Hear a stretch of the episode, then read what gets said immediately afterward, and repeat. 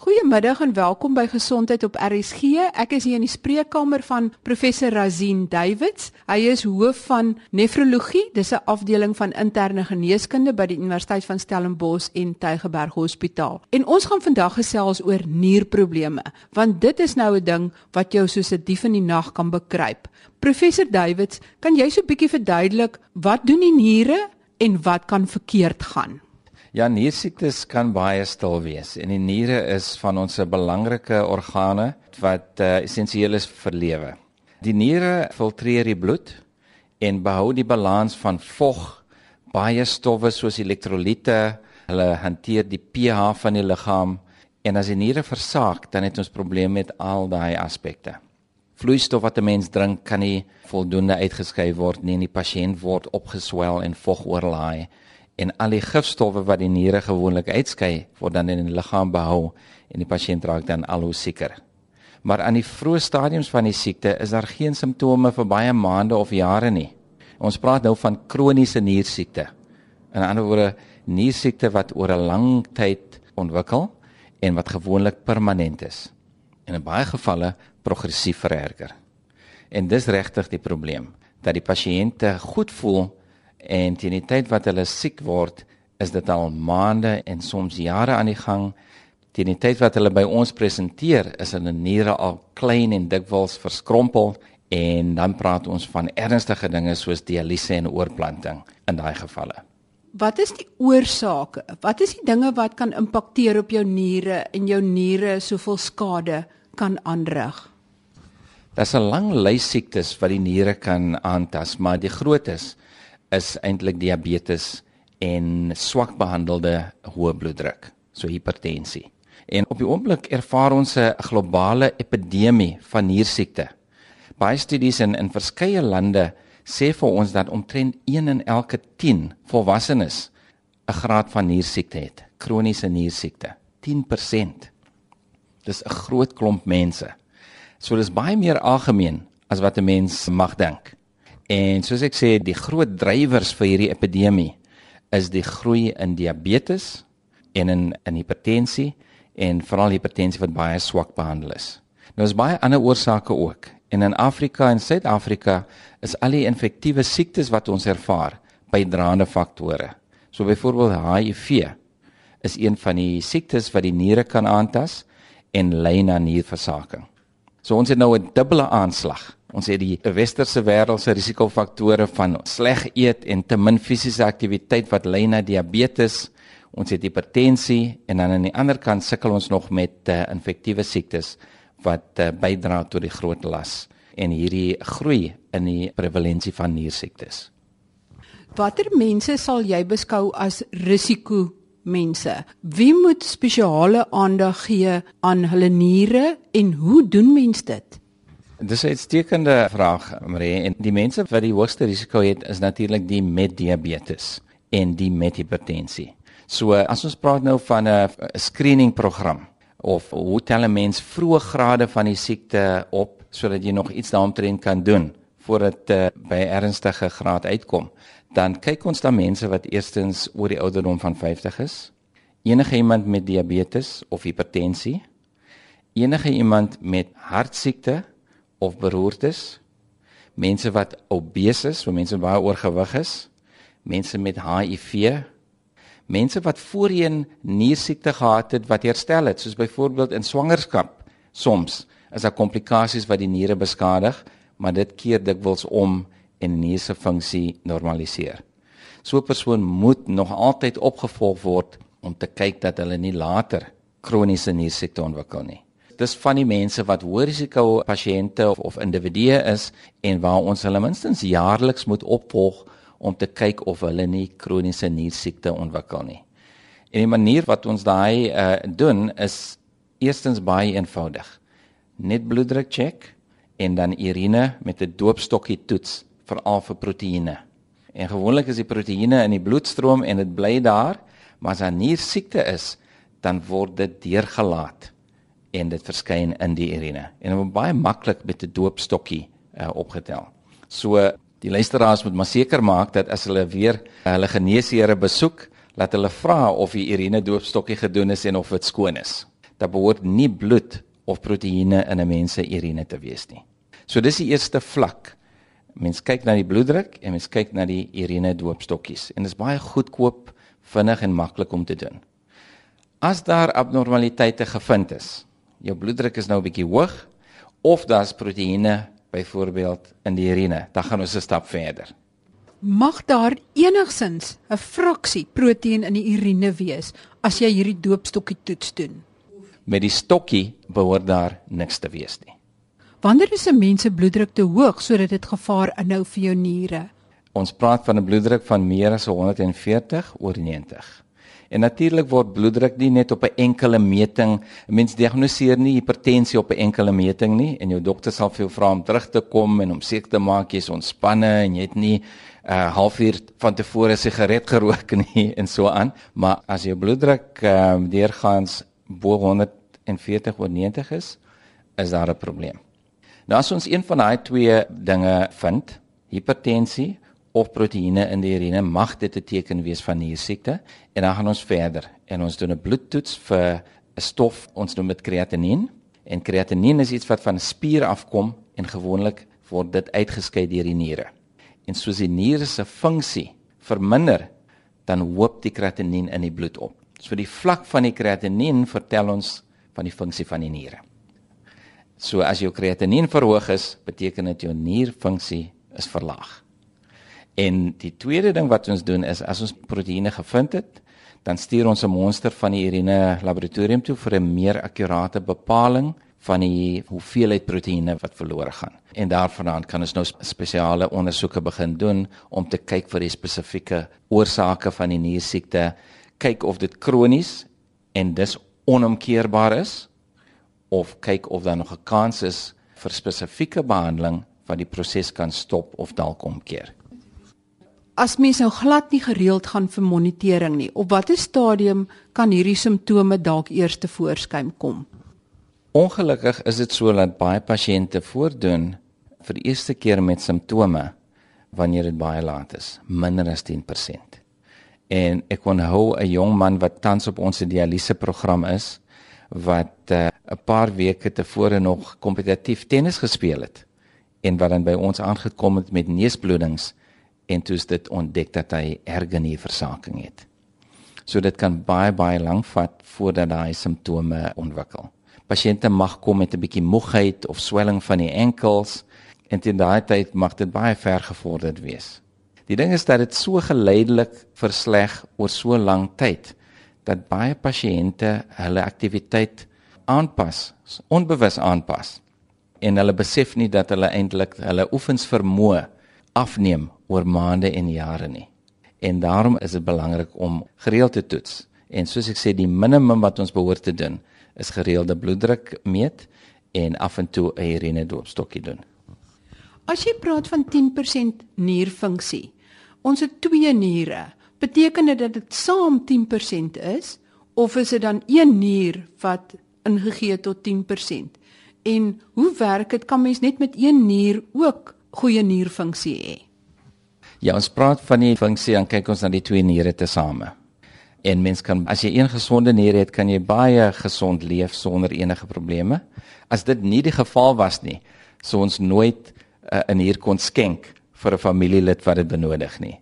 So wanneer ons praat van nierversaking, beteken dit dat al twee niere baie ernstig aangetast is.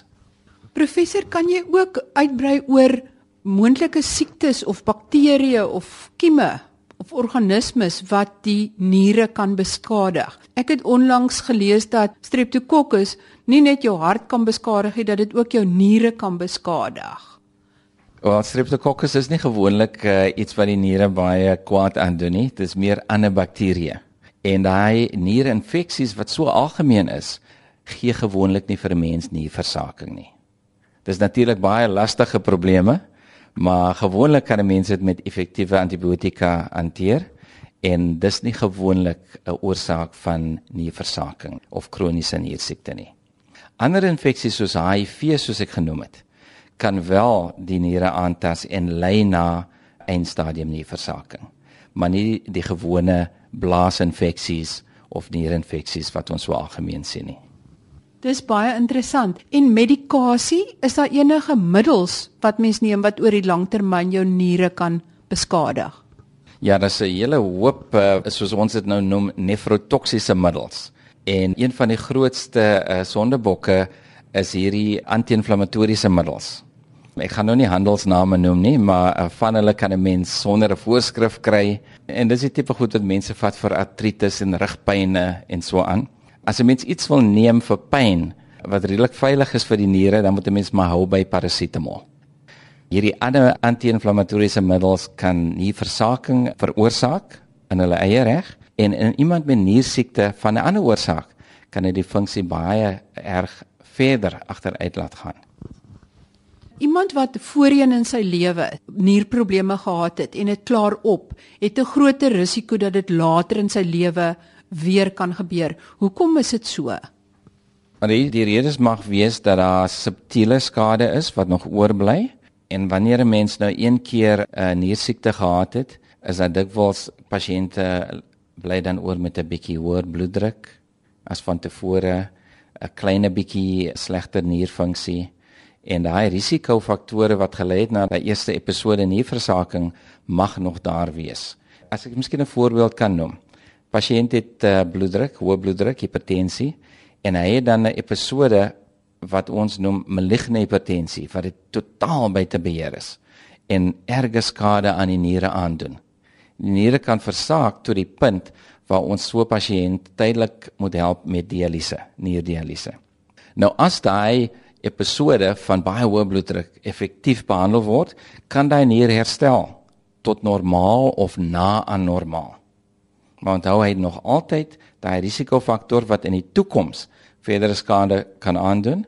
Hy mag 'n bietjie subtiele skade oorgehou het van hy eerste episode wat nie vir ons maklik is om tans op te tel nie, maar daarom moet ons 'n oogie op hom hou in die toekoms.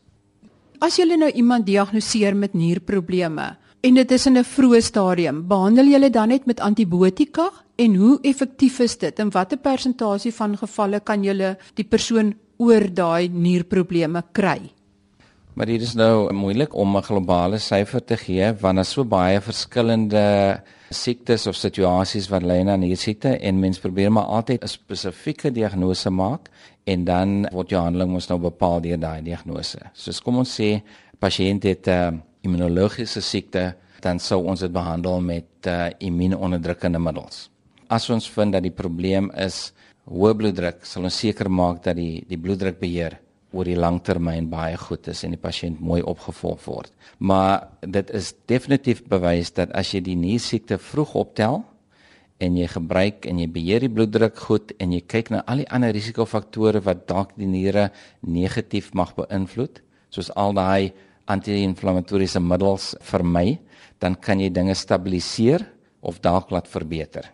En die progressie van die nierskade word dan verstadig of sommer gestop. Want wat ons voor bang is as iemand nou 'n kom ons sê 'n vroeë graad van niersiekte het.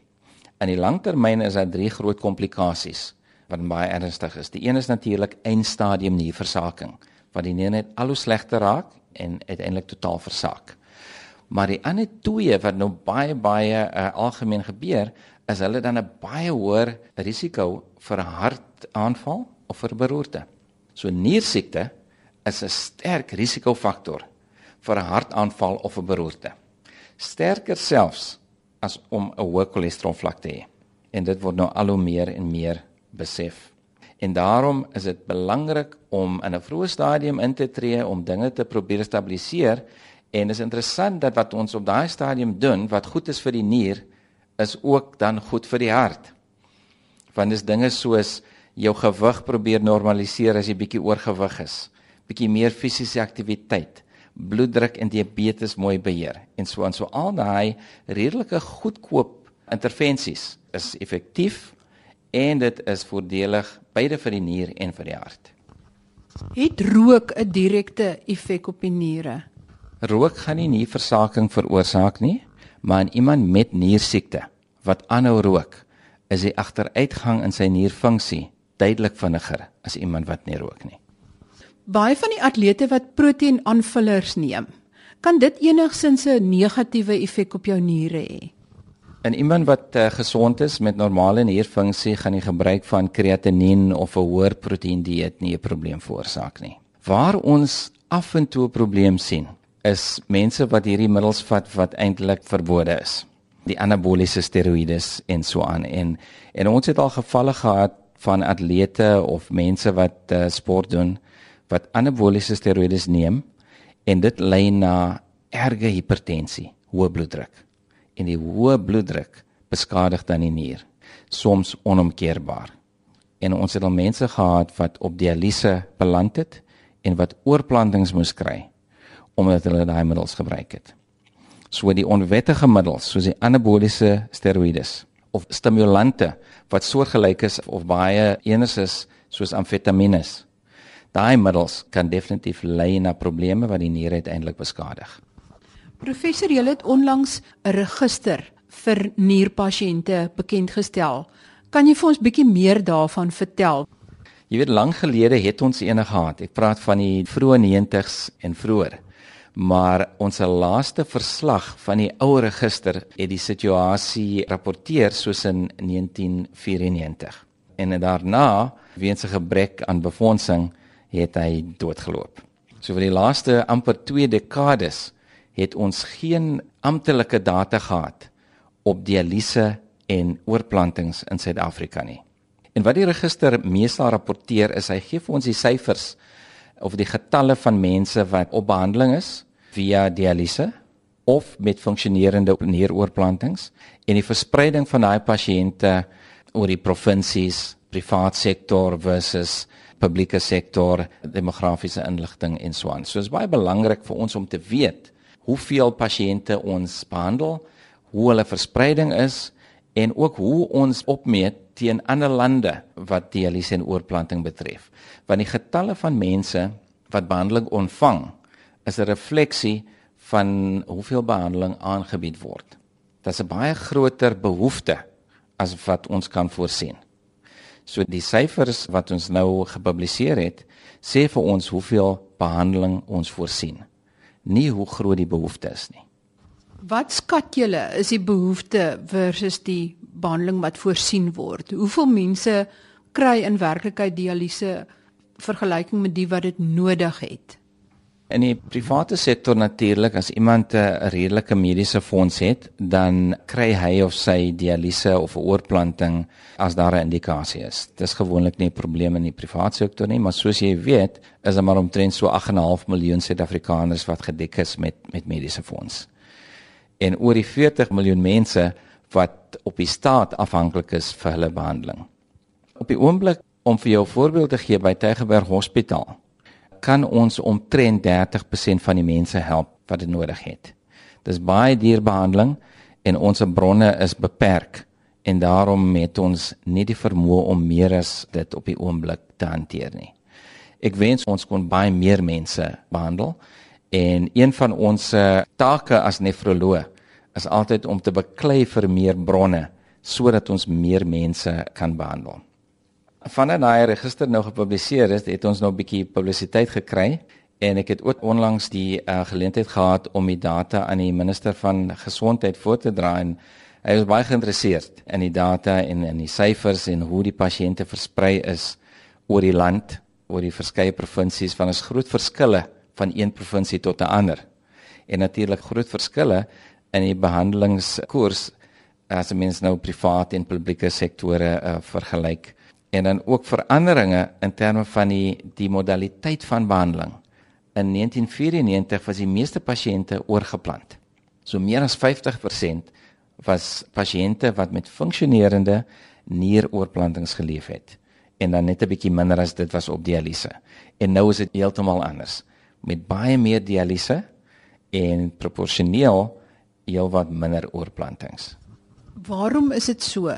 En Hoe vergelyk Suid-Afrika met ander lande in die wêreld?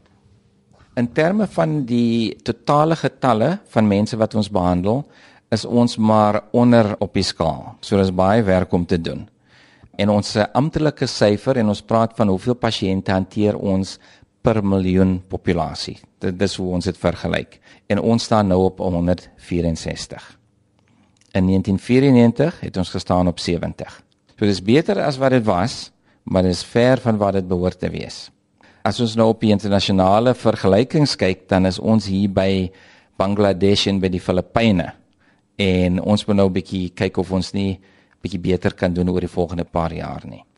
Daar is baie redes hoekom daar nou meer dialyse is en minder oorplantings. Een van die redes is uh, omdat daar 'n redelike groot groei was in die privaat sektor en veral in die privaat uh, sektor wat betref hemodialyse. Daar's baie meer hemodialyse pasiënte in die privaat sektor en die totale hoeveelheid oorplantings is nie baie meer tans as wat dit was in 1994 nie. En van die redes is omdat ons sukkel deesdae om kadaverdonors, breindood donors te kry. En as redes daarvoor, die HIV epidemie vat 'n hele paar donors van ons weg.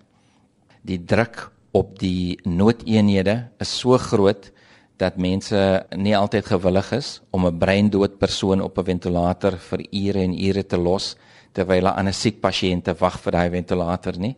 En is baie redes en ons moet hulle maar nou een vir een probeer aanspreek sodat ons daai oorplantingssyfers kan verbeter. Want oorplantings bly maar die beste vorm van niervervangingsterapie. Dis die mees koste-effektiewe behandeling en dit gee ook vir die pasiënt die beste kwaliteit van lewe. Jy het nou nog genoem wat die syfers is van kostes vir dialyse per jaar en vir eh, na oorplanting per jaar. Kan jy net dit bietjie toelig?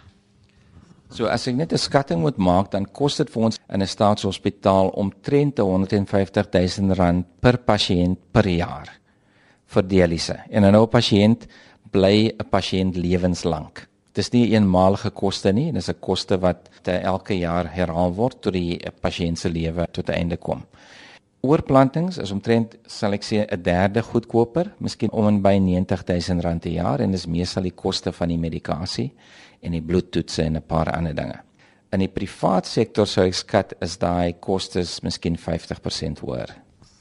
Is daar met ander woorde 'n groot tekort aan niere omdat daar ook nie genoeg nierskenkers is nie. En wat dan van die operasie tegniek om die nier te verwyder wat so dramaties verbeter het met dit dat dit nou laparoskopies deur sleutelgatchirurgie gedoen kan word? Ja, ons is baie afhanklik uh, van die vrygewigheid van die donors. En is gewoonlik familielede of 'n man of 'n vrou van die pasiënt wat ons skenkers is deesdae. Ek is eintlik baie trots om te sê dat ons hier by Tygerberg die eerste sentrum in die land was wat roetinieweg laparoskopiese tegnieke begin gebruik het om die donornier uit te haal. En dokter Andre van der Merwe, ons uroloog, hy was die man wat hierdie gevestig het hier by Tygerberg Hospitaal. So daai groot sny wat altyd daar was in die verlede, dis dis iets van die verlede. Daar is sleutel chirurgie wat toegepas word. Pasiënte kom in die hospitaal en hulle bly vir omtrent so 2-3 dae en binne 'n week is hulle terug by die werk. So dis eintlik baie meer gerieflik en die impak op die skenker is nou baie minder as wat dit van tevore was. Mense doen maar 'n beroep op die families en die vriende van mense met 'n nierversaking wat op dialyse is om daai stap te doen en om dit te oorweeg om 'n skenker te word. Wat sal jy vir mense sê om hulle niere gesond te hou? Want ek is nou van plan om my niere so gesond as moontlik te hou want vir dialyse sien ek nie kans nie. Dis altyd 'n goeie plan want niks is so goed soos jou eie niere nie. Ek sou sê maak seker dat jy daarom af en toe jou bloeddruk laat check, veral as jy een van hierdie hoë risiko groepe is, behoort dit eenmal 'n jaar te wees. So bloeddruk check en seker maak dat hulle ook jou urine doopstokkies doen van tyd tot tyd en dan wees versigtig vir die oormatige gebruik van hierdie anti-inflammatoriese middels. Want dit is veral een middel wat die niere erg kan beskadig. So vinnig kom ons dan alweer aan die einde van ons program.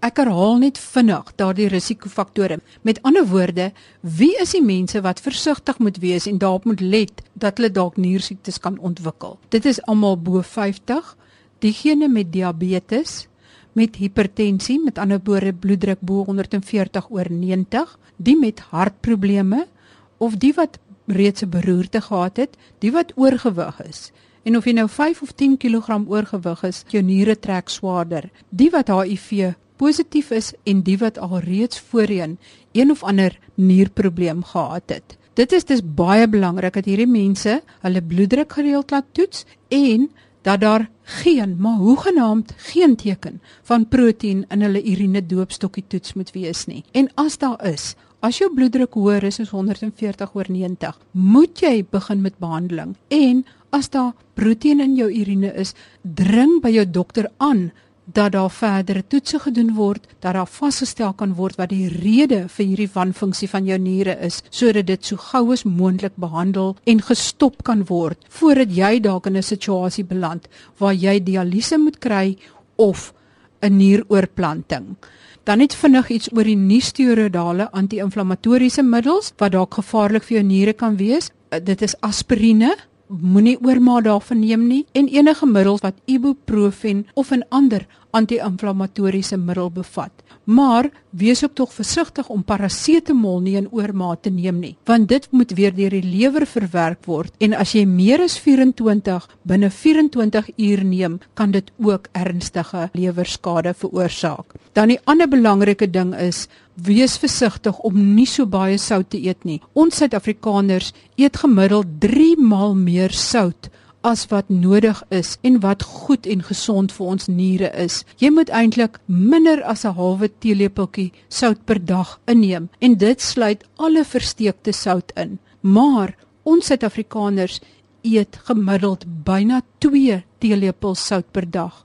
Stuur enige navrae of vrae oor nierprobleme aan gesond@rsg.co.za en onthou dit is julle laaste kans om vrae in te stuur oor enige tipe artritis siekte, oor jeug, osteoartritis, reumatoïede artritis, ankyloserende spondilitis, lupus of enige van die ander tipe artritis siektes, want ek gesels binnekort met professor Helmut Reuter wat hy al julle vrae gaan beantwoord. Tot volgende week dan. Totsiens.